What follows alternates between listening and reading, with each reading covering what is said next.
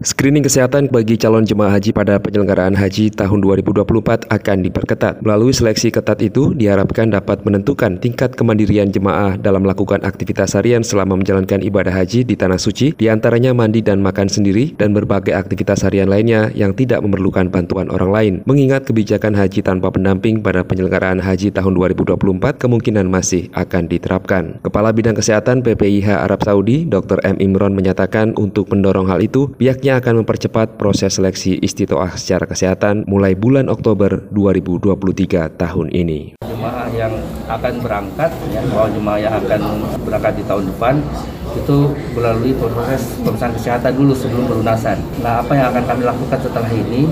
Yang pertama adalah meminta data dari Kementerian Agama ya terkait data jemaah yang akan berangkat di tahun 2024. Nah, data-data yang data-data tersebut nah ini akan kami sampaikan ke puskesmas ya untuk mulai memanggil jemaah haji di bulan Oktober ya untuk melakukan pemeriksaan. Nah pemeriksaan kami percepat nah, sehingga kemudian berdasarkan hasil pemeriksaan itulah nanti yang kami harapkan bisa dikoordinasikan ke Kementerian Agama sebagai jemaah haji yang berhak lunas.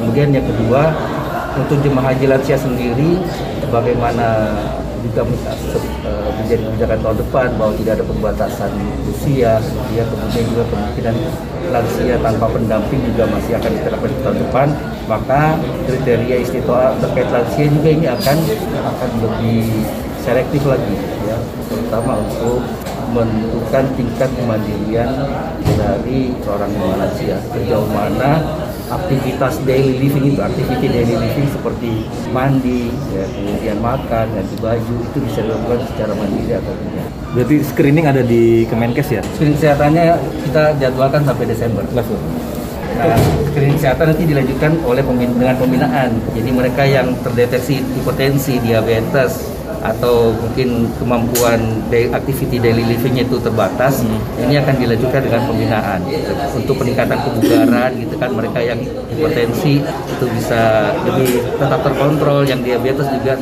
gula darahnya juga tetap terkontrol.